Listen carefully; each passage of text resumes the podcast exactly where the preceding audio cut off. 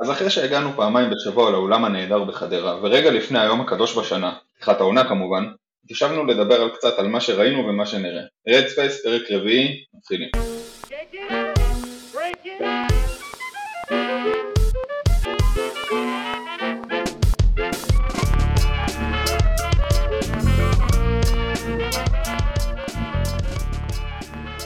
אוקיי, אז אה, ברוכים הבאים ל Red Space, אני ניר רותם, איתי אלחנן הכהן.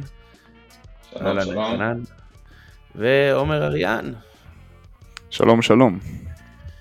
טוב, אז אחרי אה, משחק אה, לא מי יודע מה נגד אילת, הגענו למשחק עוד פחות טוב, אה, לפחות במבחן התוצאה נגד הפועל תל אביב. Uh, היה הרבה מאוד זעם על המשחקים האלה, אה, חלקו בצדק, חלקו קצת פחות בצדק בעיניי. אה, ואני רוצה דווקא להתחיל עם, אה, עם הקו הקדמי שלנו. ונתחיל כמובן בזאק הנקינס, שהוא אולי השחקן שחטף הכי הרבה אש במשחק השני. באופן כללי טורניר לא טוב שלו, אה, מבחינת, אה, בטח בצד ההתקפי, גם בצד ההגנתי אה, יש הרבה מאוד סימני שאלה. עומר, אתה תרצה להרחיב?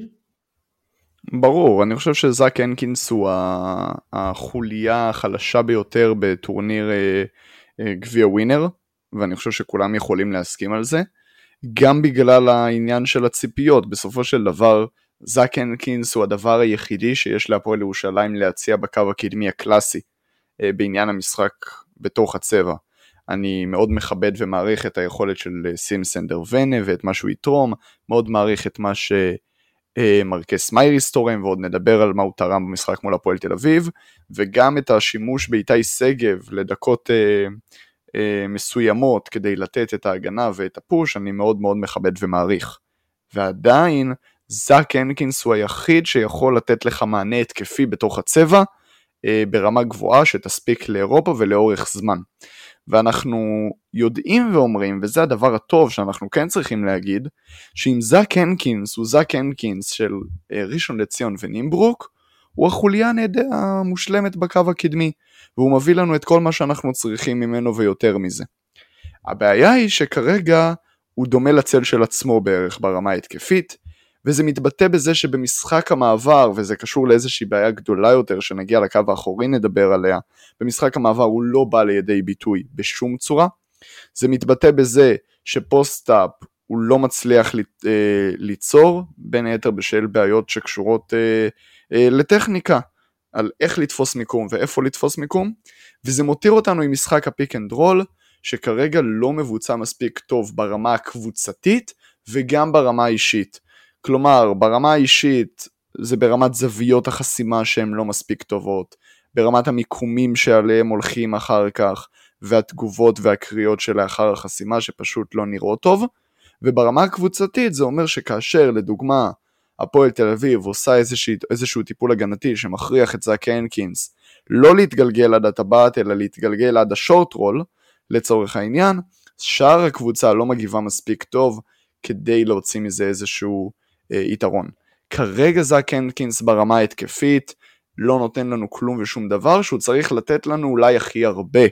אה, בטח שבטח בקו הקדמי, אבל אפילו בכלל אה, ציפינו שהקו, הציר של ספידי הנקינס ייצור הרבה יותר נקודות מהכלום שהוא יוצר כרגע. ברמה ההגנתית, אני לא חושב שיש איזושהי סיבה יותר מדי גדולה לדאגה, מעצם הסיבה שאנחנו ידענו שעומדת להתעורר בעיה. כרגע מתעוררת בעיה בגלל ששומרים איזושהי הגנת דרופ שהיא הגנה נסוגה, תמיד מתעוררת בעיה. הפועל ירושלים לאט לאט מטפלת בזה, לפעמים פחות טוב, לפעמים יותר טוב. זה חור שידענו שיקרה ואנחנו יודעים שאפשר לטפל בו. לא 100%, זו לא תהיה הגנה מושלמת והיה עדיף שיהיה שם שחקן אה, ההגנה הכי טוב בעולם, ברור, אבל לכל חיסרון, לכל יתרון יש חיסרון ולהפך. ולכן מזה הייתי קצת פחות חושש כרגע. אני רוצה קצת להוסיף על מה שאמרת עומר. אה, גם ברמה ההתקפית כן ראינו שיש בעיות, אני כרגע חושב שזה פשוט עדיין בעיות של חוסר תיאום מסוים, צריך לזכור שהם לא משחקים הרבה זמן ביחד. גם ספידי, גם זקנקינס, ייקח להם זמן להכיר אחד את השני, אנחנו צריכים לזכור שהפועל תל אביב זה קבוצה שכל השחקנים בה שיחקו עם כל השחקנים בה, עם המאמן בה ואצלנו. אצלנו הפועל ירושלים קבוצה חדשה לגמרי, חוץ מאיתי שגב ונועם דוברת ששיחקו קצת עם עוז בלייזר, אין אף שחקן ששיחק עם שחקן שני למיטב ידיעתי. לצורך העניין אלחנן, נקודות מהזדמנות שנייה, נקודות ממשחק של שני שחקנים, אני לא מדבר איתך על איזשהו תרגיל גדול ומסובך ויש כאלה אצל ג'יקיץ' שלא מצליחים וזה בסדר. הנקודות מהתקפת מעבר, היסודות כדורסל שכן מתקיימים, מהם כן הייתי מצפה לראות את זאק הנקינס יוצר משהו. ואז את השער המסובך נשמור לאחר כך, אין בעיה. כרגע גם מסכים, זה לא אני קורה. אני מסכים איתך, כמובן שאני, שהמשחקים, שתי המשחקים האחרונים שלו, ברור שהם מאכזבים, אבל צריך לזכור איך הוא נראה בשאר משחקי ההכנה, ואז הוא היה נראה כמו המפלצת שהוא. צריך קצת להירגע, כן יש כמה, אה, נורות אדומות שנדלקו מעל הראש של זאק הנקינס, צריך טיפה להירגע. בנוגע לאזור ההגנתי, ג'יקי צריך לחשוב, אולי הוא משחק עם שתי סנטרים, הרכב הגנתי של זאק הנקינס ואיתי שגב, במיוחד באירופה, ואז אתה יכול לשחק גם עם זאק הנקינס וסים סנדר ונה שהוא שחקן הגנה מעולה, ואז יש לך את החיפוי ההגנתי הזה, ואז הגנת ה drop יכולה להיות הרבה הרבה יותר מוצלחת. איך זה יעבוד בהתקפה זה כבר שאלה אחרת, אבל אפשר לחשוב על הרכבים מסוימים כאלה עם שני גבוהים. אני חושב ששני הדברים שבאמת הטרידו אותי, קודם כל עומר ציין את ה pick and roll, אז באמת התיאום של ה pick and roll היה, באמת, זה היה נראה כאילו אספו אותם חמש דקות לפני זה בגן הפעמון. אני חושב שהיו שלוש פעמים שספידי פשוט רץ לתוך הגוף של הנקינס, ואתם יודעים, פעם אחת אה, הנקינס מנסה לעשות את ה short roll ונתקע בספידי, פעם אחת הוא מנסה לעשות דווקא איזשהו פופ כדי לתת לספידי חדירה, ואז ספידי אה, מנסה לרוץ לפינה כדי לנסות לתת להנקינס את הרול, וזה עבד ברמה מאוד מאוד לא טובה. בהגנה, כל drop אה, שעשינו הסתיים בנקודות קלות של אה, תומר גינת בצבע. יותר מדי נקודות קלות, יותר מדי, אה, החילופים באופן יחסי כן עבדו כמו שהייתי מצפה, אבל הם קרו הרבה יותר מדי לאט. אה, אבל דווקא, דווקא ברמה הגנתית, אני חושב שלמרות ש, שככה, אני לא, אני לא אבוא ואגיד שזה היה אה, משחק הגנתי טוב, אבל התיאום ההגנתי הוא בסדר, צריך לעבוד על המהירות תגובה של השחקנים, שזה משהו שבהחלט יקרה, אני מניח, מאוד מהר. אני רוצה להגיד אה, מה שאתה אומר אלחנן על אה, וגם מה שאתה מציין ניר ואתם מסיימים את בעיית התיאום. ואלחנן מוסיף ואומר אז אין מה להילחץ ואין מה לדאוב כי אנחנו יודעים את הפוטנציאל ואני מסכים כי בפוטנציאל זאק הנקינס יכול להיות המפלצת מראשון ויכול להיות המפלצת ממשחקי ההכנה מה הבעיה? שזאק הנקינס שלנו יהיה מאוד נחמד אם עוד חודש הוא יהיה המפלצת שהוא. אבל ביום שני יש לנו משחק, וביום שני יש לנו משחק מאוד מאוד מאוד חשוב. וזה אולי הסיפור של כל משחק ההכנה הזה, פחות או יותר.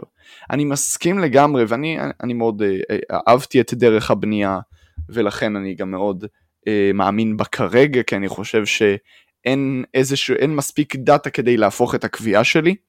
אה, ממש לא, אני לא חושב שהיה פה איזשהו אסון קולוסלי שגרם לזה, ולכן אני חושב שהקבוצה תהיה בסדר בהמשך, אבל ההמשך הקריטי ביותר הוא ביום שני, ויכול להיות אה, שזה מאוד מאוד בעייתי, ושם אנחנו עשויים להתקשות אם זאק הנקינס לא יחזור להיות 50% ממה שהוא מסוגל להיות.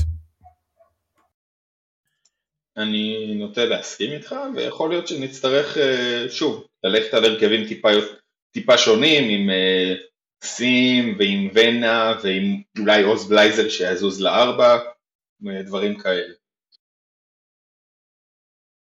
אוקיי, okay, ואחרי שדיברנו על הנקינס, uh, אני רוצה uh, כן לדבר על על שני הזרים הגבוהים הנוספים שלנו, על סימסנדר ונה ועל אה, מרקס מייריס. עומר, אחרי זה תוסיף את, ה... אחר כך אל תדאג. את הדיבור הנכון. בצינורות. כן, בצינורות המקובלים. אה, משניהם אני מאוד מאוד מתרשם לטובה, בטח ובטח ממרקס מייריס. הוא נתן משחק, אני, המספרים לא מרשימים בהכרח.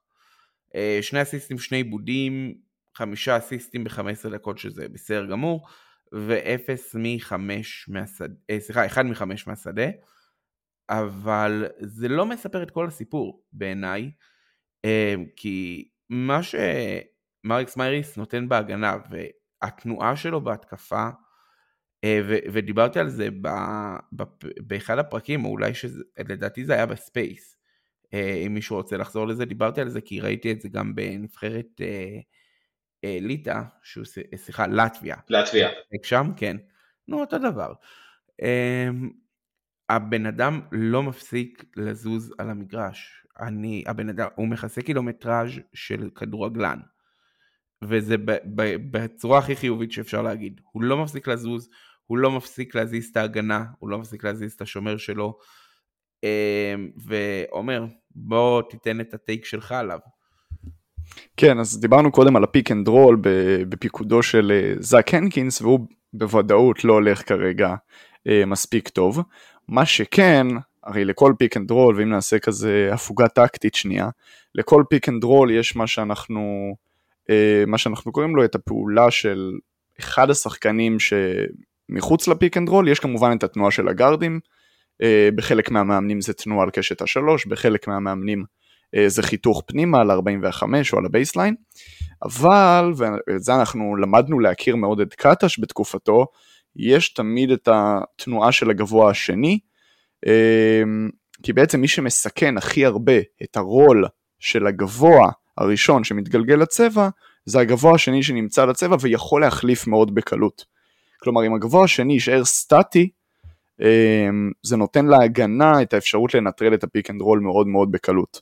ועל אף שה pick and roll, הפעולה הראשית, לא עובדת מספיק טוב כרגע, הפעולות המשניות עד כה מתקיימות נהדר וזה בעיקר עם שני הגבוהים האלה.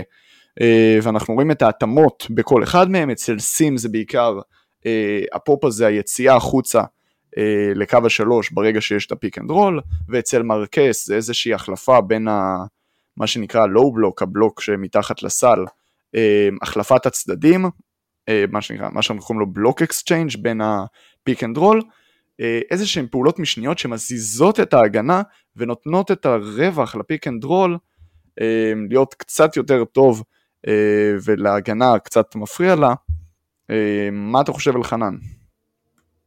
אני רק, בגדול אני מסכים עם כל הניתוחים שהבאת, אני רק רוצה להעיר נקודה קטנה, על איך התפקיד של עוז בלייזר משתנה בהתאם לשחקן שמשחק ביחד איתו, זאת אומרת כשעוז בלייזר משחק עם סים סנדר ונה, אז עוז בלייזר משחק, אה, אני יודע שעומר לא אוהב לדבר בעמדות, אז עוז בלייזר הוא משחק ארבע, יותר בצבע, יותר נייד, יותר זז, ומי שיזרוק את השלשות יהיה סימסנדר ונה. כשעוז בלייזר משחק עם מרקס מייריס, אז עוז בלייזר רוב הזמן חיכה בפינה, זרק יותר, נתן את המלחמה בהגנה ובדברים האלה, ומעניין להסתכל באמת על האפקט של השינוי הזה בין שתי השחקנים האלה. אז באמת אם לא נדבר שנייה בעמדות, מה שאתה אומר הוא מאוד נכון, כי ברגע שסים סנדר ונה אה, משחק ועושה את היציאה הזאת החוצה לשלוש, יש מה שנקרא gap בתוך הצבע, אה, ואת ה gap הזה עוז בלייזר עושה באמצעות חיתוך על ה-45, אה, וממלא את המקום החסר בצבע. לעומת זאת שמרקס משחק ונמצא בתוך הצבע ביחד עם הרולר, יש עומס על הצבע וצריך מישהו שיעשה אה, אה, את ה lift, את העלייה על קו השלוש, וירווח וייתן עוד אופציה לשלוש או עוד אופציה לעוד pick and roll דרך ה side, כל מיני דברים כאלה, ואתה באמת צודק, אני פשוט, כמו שאתה אומר, לא, לא דרך עמדות, דרך תפקידים, יש איזושהי תחושה שיש לנו את חלוקת התפקידים ברמה ההתקפית. אפשר לדבר על איכות הביצוע, אבל לפני שמדברים על איכות הביצוע צריך שיהיה ביצוע. את זה יש, וזה כבר מעודד. אני חושב בסופו של דבר, אם אנחנו מסתכלים קדימה, אה, זה בעיקר עניין של אה, תרגול ושל הרגלים. ההרגלים סימסנר ונה ומרקס מייריס כן יותר מתורגלים כנראה בשיטה הספציפית שדומה פחות או יותר למה שג'יקיץ' רוצה. כדורסל המזרח אירופאי, צפון אירופאי, עם, עם מאוד השפעה ספרדית, ששני השחקנים לדעתי, שניהם שיחקו בליגה הספרדית, אם אני זוכר נכון.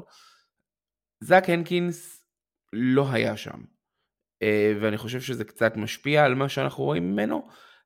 אם ג'יקיץ' לא מודאג, אני לא חושב שאני צריך להיות מודאג, ואני לא חושב שגם הקהל צריך להיות מודאג באופן כללי. אבל יש מישהו אחד שאני כן מודאג ממנו, וזה נועם דוברת. עכשיו, אני רגע אתן פה אה, מספרים מאוד מאוד זריז, אני יודע, מספרים זה לא הכל, אבל זה ייתן לנו איזושהי פרספקטיבה. נועם דוברת שיחק 29 דקות במהלך הטורניר, אה, הוא מסר שני אסיסטים ואיבד אה, ארבעה או חמישה, אה, חמישה אה, עיבודי כדור, לא פחות משמעותי, נועם דוברת זרק שלוש פעמים לסל, שתי זריקות לשתיים, זריקה אחת לשלוש, החטיא את כולן. אין לי בעיה עם ההחטאות, יש לי בעיה עם העובדה שנועם דוברת, בטח בשלב הזה, בטח בתפקיד שנתנו לו, צריך לקחת הרבה יותר על עצמו, להיות הרבה יותר אסרטיבי במשחק שלו. הבן אדם קיבל הזדמנות בקבוצה אה, גדולה, הוא קיבל הזדמנות. זה לא אה, אותו, אותה סיטואציה שהייתה לו בראשון, זה לא אה, הכוכב נוער שהולך לפרוץ לנו בקבוצה, לא, אתה הגעת כשחקן לכל דבר ועניין, כשחקן שאמור לספק מספרים, כשחקן שאמור לעשות אה, הרבה יותר ממה שהוא עשה, וזה מדאיג אותי כי זה משהו שראינו אותו גם עונה שעברה ב- בסיטואציה מסוימת. אה, אלחנן, טייק שלך? אני רוצה קצת אה, לנסות להרגיע אותך. אה, דבר ראשון, כן, נועם דוברת צריך לקחת על עצמו טיפה יותר. עכשיו, אנחנו מתייחסים טיפה לנועם דוברת כאילו הוא אה, רכז בן 33 שאמור להוביל את הקבוצה לבדו וזה תפקידו. אז לא, נועם דוברת, עם כל אהבתי עליו, הוא ילד בן 20 עם פוטנציאל עצום שצריך עדיין להתייחס אליו כמו ילד בן 20. יש, הפוטנציאל שלו ומה שאנחנו אמורים לקבל ממנו עונה הוא מטורף. אבל גם לטעויות שלו וגם להתנהגויות שלו על הספסל שבמשחק הראשון נגד אילת היו נראות לנו קצת פחות נעימות, קצת פחות טובות, במשחק השני, השני שמתי לב, והוא היה נראה הרבה יותר מחובר והרבה יותר רגוע והרבה יותר מנסה להתחבר לשיטה של ג'יקיץ'. כן, אני קצת מאוכזב מנועם דוברת אה, מהטורניר שהוא הביא, לא, אני לא חושב שאנחנו צריכים להיות לחוצים מהאירוע הזה.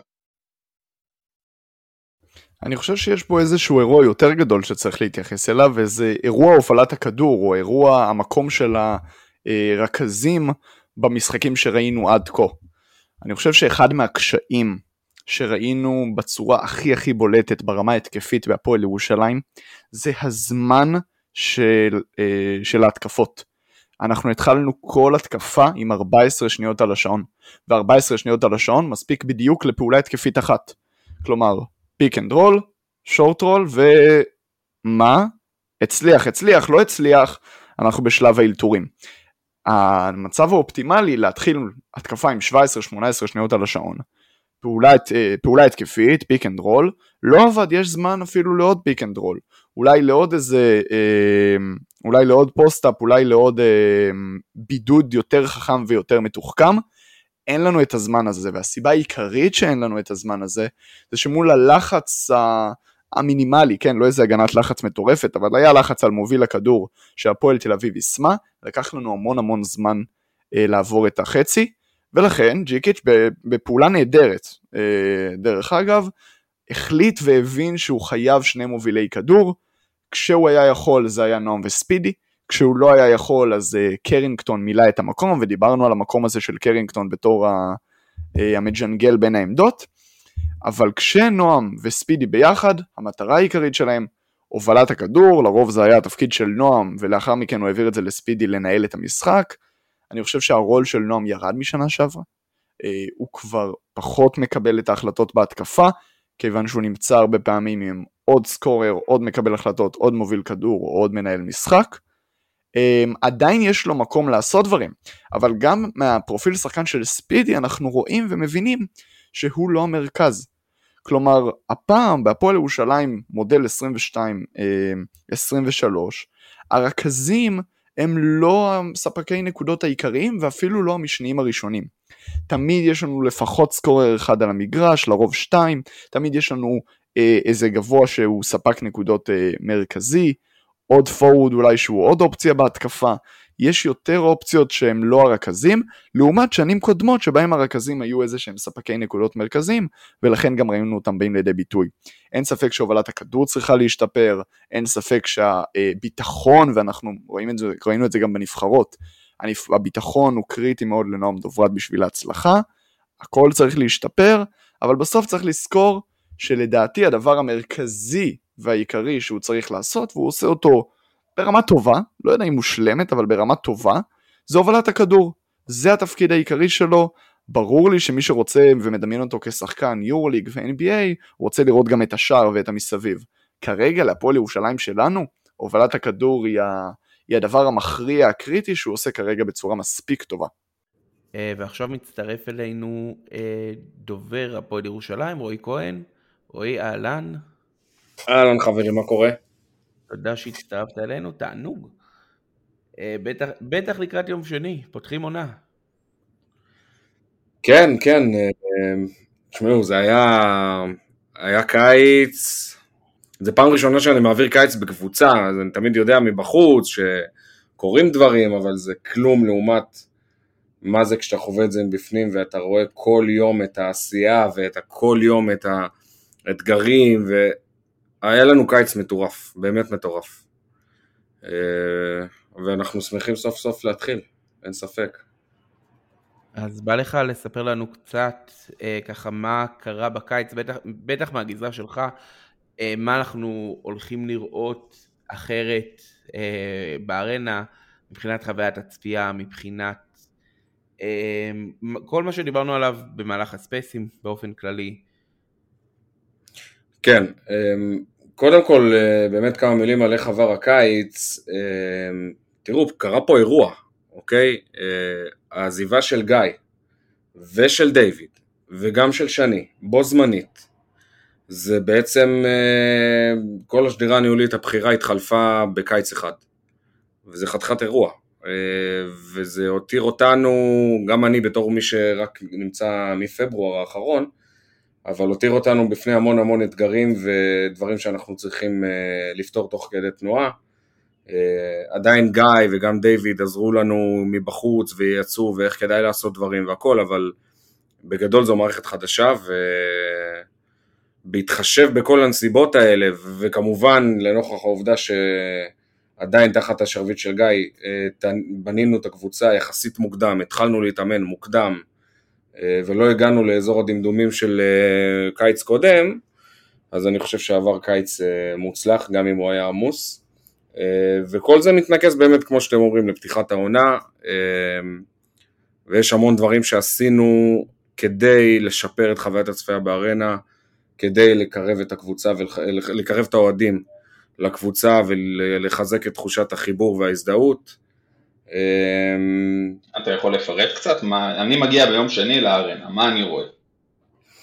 אוקיי, אז אני לא רוצה לתת יותר מדי ספוילרים, אבל אמ, בואו נתחיל קודם כל בנראות. אה, אם אתם זוכרים, אה, היה, היה, אם אני לא טועה, זה התאים הדרומיים של, שאמורים להיות שם תאי צפייה, אה, וזה בעצם שטח לא בנוי, זה מין חור שחור ענק, שבאמת שטח ענק, שבלע גם קולות של הקהל. אה, לא יודע, אני לא, לא מומחה גדול לאקוסטיקה, אבל אני מניח שגם חלק מהעניין.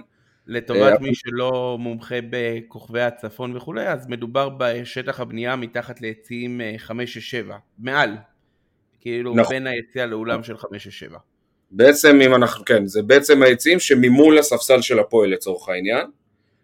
אה, זאת אומרת, ממול הכוונה, מאחורי הסל שממול הספסל של הפועל.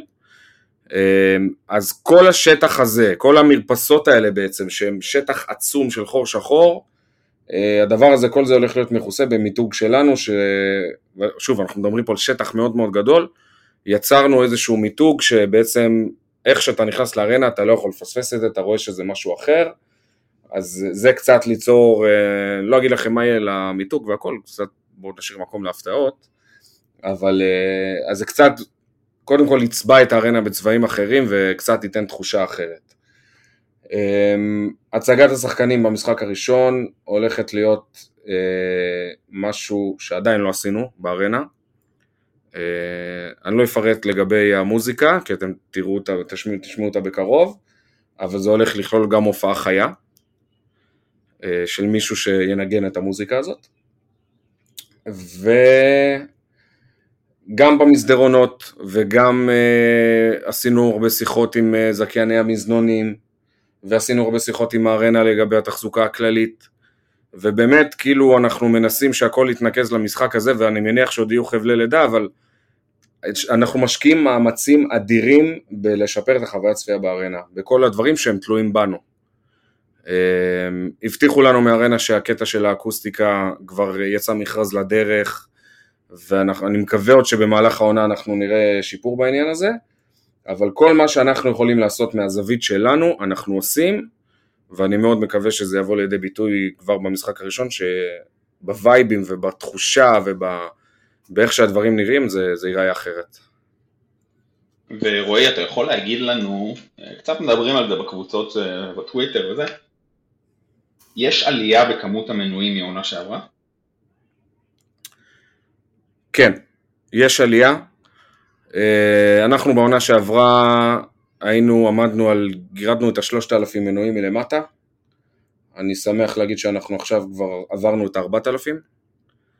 אה, כשאני אומר עברנו את הארבעת אלפים זה בעצם סך כל המנויים.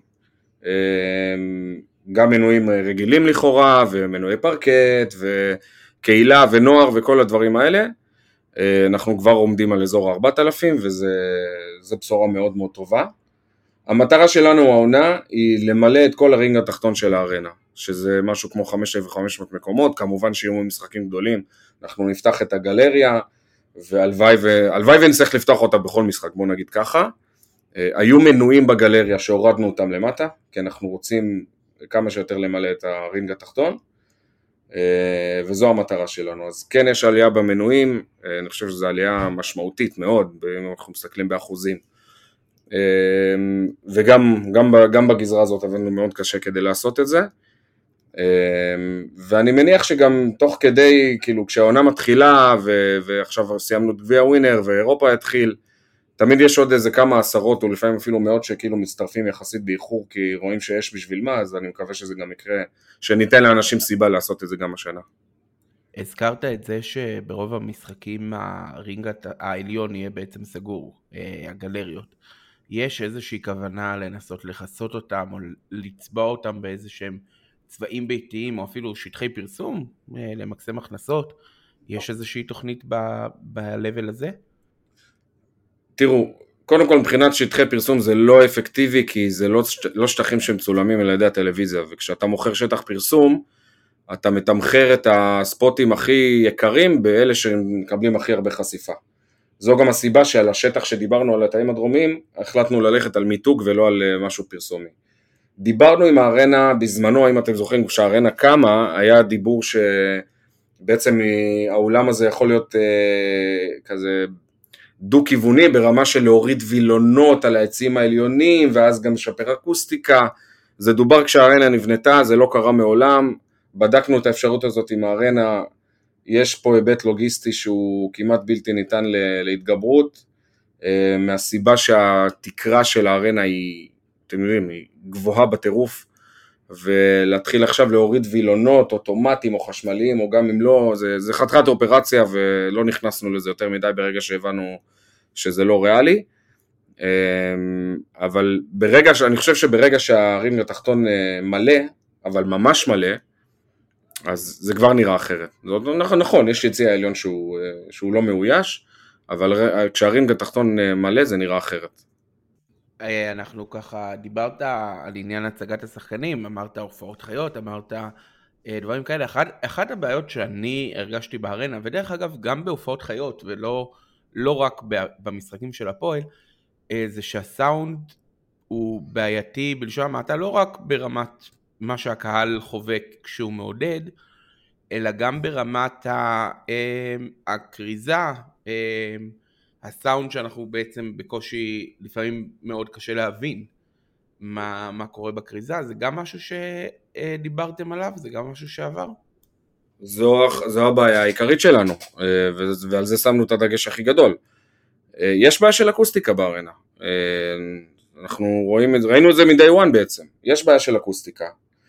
בחברת אריאל מודעים, הם בעצמם לא מצליחים למשוך הופעות שהם היו רוצים למשוך לארנה בגלל הדבר הזה. הוציאו לדרך מכרז שבעצם אמור לשפר את כל, ה... את כל, ה... כל האקוסטיקה של הארנה. אני מקווה שזה יקרה השנה, אבל אה, שוב, אני, אני אומר, אנחנו מתמקדים במה שאנחנו יכולים לשפר בארנה. יש דברים לוגיסטיים שהם, אה, או טכניים שהם מעבר ליכולות שלנו, כמו למשל, כמו שאמרת, הסאונד, הקטע של הווילונות, או, או דברים מהסוג הזה. כל מה שאנחנו היינו יכולים לעשות כדי לשפר את החוויה הצפייה, עשינו. ו, ואתם, ו, ואתם תרגישו את השיפור הזה כבר במשחקים הראשונים. מה שאנחנו לא בשליטה שלנו, אז לא בשליטה שלנו. ומעבר לשיפור הזה, רועי, אני בטוח שאתם, אה, שאתה ואתם מודעים לגמרי לחשיבות האסטרונומית של המשחק ביום שני, גם משמעות פרקטית, גם משמעות של, אה, כמו שאתה אומר, אווירה וסביב הקבוצה. מה אתם עושים כדי להביא כמה שיותר אנשים לארנה? אוקיי, okay, אז כשאנחנו תמיד מדברים על, אה, על האווירה סביב הקבוצה וכמות האוהדים והכל, אז בעיקר ברשתות החברתיות, אתם רואים שהשיח הוא לא, לא הכי חיובי בוא נגיד ככה. עכשיו, זו גם אחת הסיבות ש... שהיה לי חשוב לי לדבר איתכם היום, כי אני מקבל את התחושה שבסדר, אנחנו יודעים שהקהל שלנו, יש את הקטע של הנהי, ומתלוננים על כל דבר, וזה כבר נהיה סוג של אה, בדיחה עצמית, ויש את החבר'ה שלא משנה מה נעשה, תמיד ימצאו מה להגיד והכל, ו... עשינו מדים חדשים והם לא, מחו, והם לא יפים, ובסדר, סבבה, עניין של טעם, הכל בסדר, ועצם זה שהוצאנו לבחירה זה גם לא טוב, ו... אני מבין את זה, זה בסדר, אני מבין שהקהל של הפועל לא ביקורתי.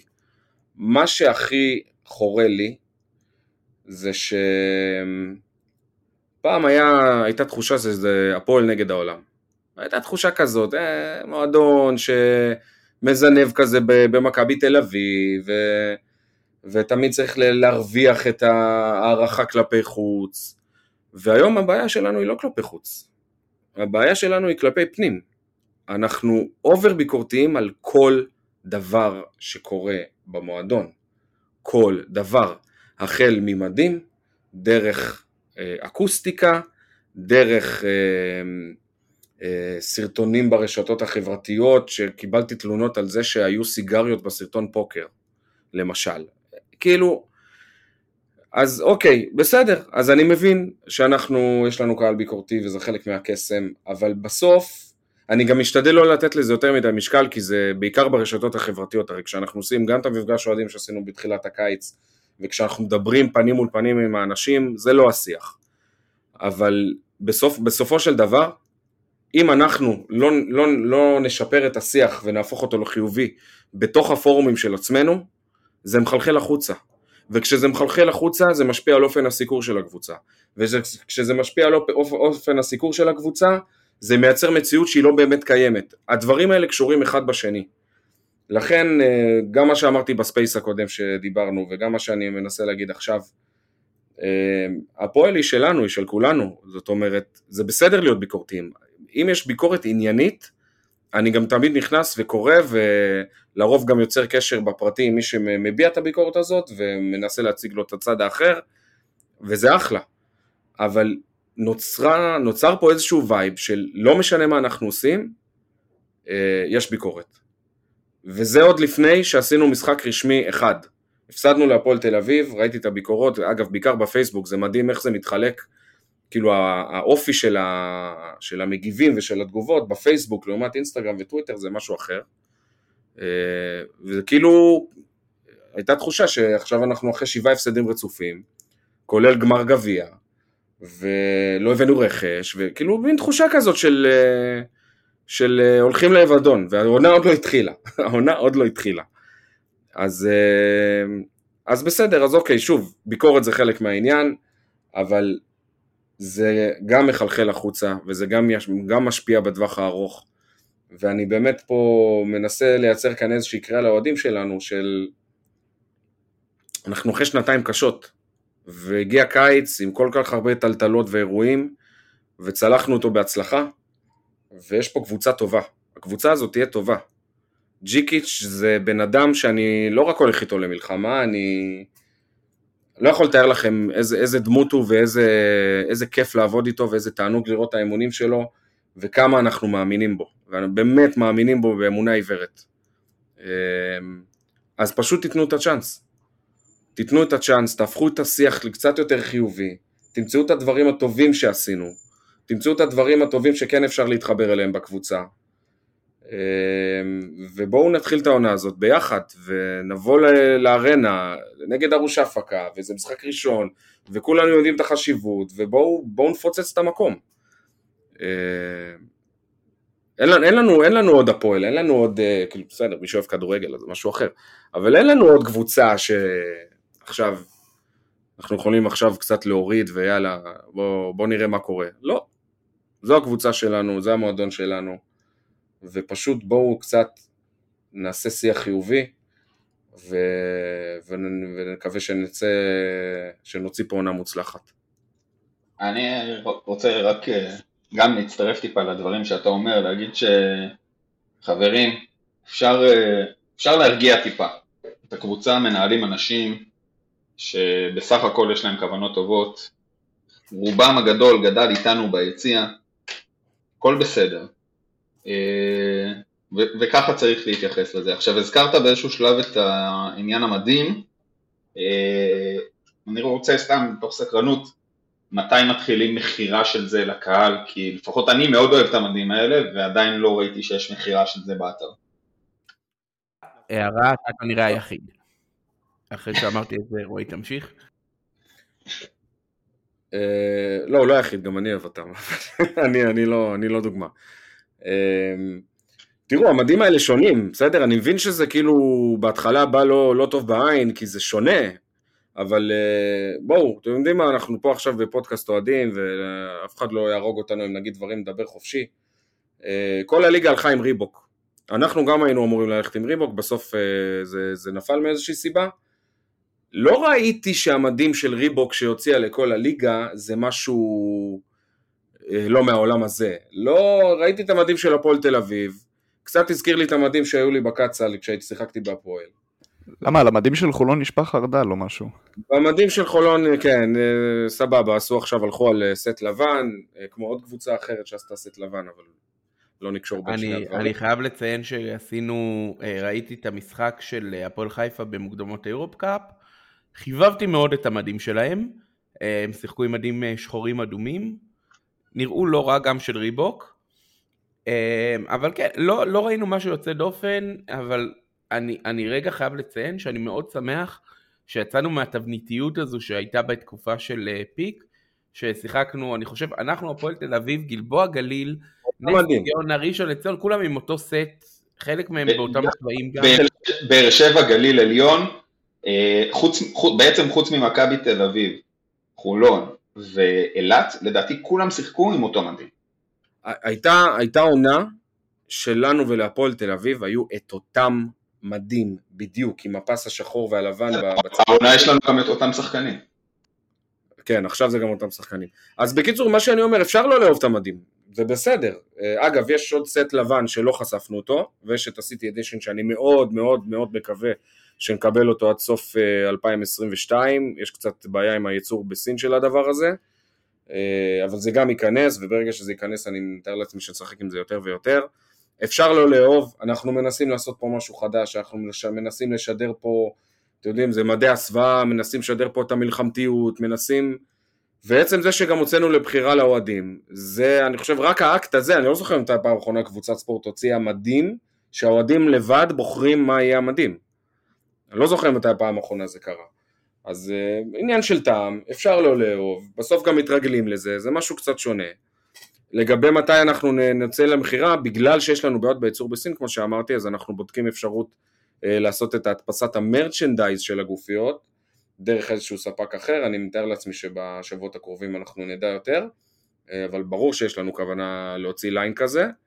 אה, זה גם הזדמנות להגיד שאנחנו עושים line merchandise חדש, מי שהיה בהפנינג כבר ראה, ציפים חדשים, טישרטים חדשים, כובעים, אה, אז אנחנו עשינו רענון גם באספקט הזה. ובשעה טובה, אם מותר לי לציין ככה כהערה, בכל זאת פודקאסט אוהדים, בשעה טובה נפטרנו מהאריה שאני אישית מעולם לא אהבתי. אה, עוד שאלת המשך, דיברנו על מדים, דיברנו על מנצ'רדייז. משהו קטן על זה, האריה, כאילו, אני מבין למה אנשים לא אוהבים, אבל אל תשכחו שהדמות גם של האריה לצורך העניין, היא מהווה מוקד משיכה לא קטן עבור חבר'ה צעירים, עבור ילדים, ואנחנו בסופו של דבר רוצים גם ליצור את הפנביס הזה מלמטה. אז מבחינת השפה העיצובית, כן, החלטנו שאנחנו קצת אה, מורידים את השימוש באלמנט של האריה, החלטנו שהולכים יותר עם המיתוג של הפועל ירושלים ולא ג'רוסלם בסקטבול,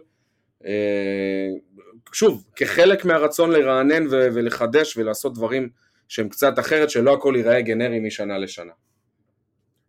אה, דווקא הקמע לקח לי זמן להתרגל, אני היום מודה שאני מחבביו הגדולים, אה, בטח, בטח כשמסתכלים על, ה, על העבודה שהוא נותן תוך כדי משחק, אבל זה, זה כבר פרק נפרד, למען האמת. רציתי לשאול משהו אחר.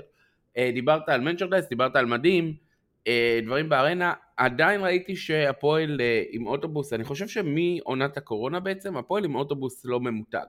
עכשיו זה משהו שכן מצטלם. בסופו של דבר אה, בפרומואים וכולי, רואים את השחקנים ככה יורדים מהאוטובוס, היה בטוויטר איזושהי פינה שככה מצלמים אוטובוסים של קבוצות ומעלים, וזה נותן איזשהו vibe מאוד מאוד חיובי, איזשהו עוד מינוף פרסומי תדמיתי למועדון. וזה משהו שלא ראינו בשנתיים האחרונות, זה משהו שהולך לקרות בקרוב, יש איזשהו צפי למתי זה יקרה?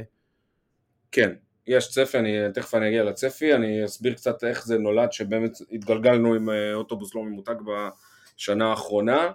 אה, יש אוטובוס ממותג להפועל לפי דרישות אה, החסות של ווינר והכל, האוטובוס עצמו ברמה הטכנית הוא, לא מספיק טוב, זאת אומרת הוא פשוט מכנית הוא לא טוב.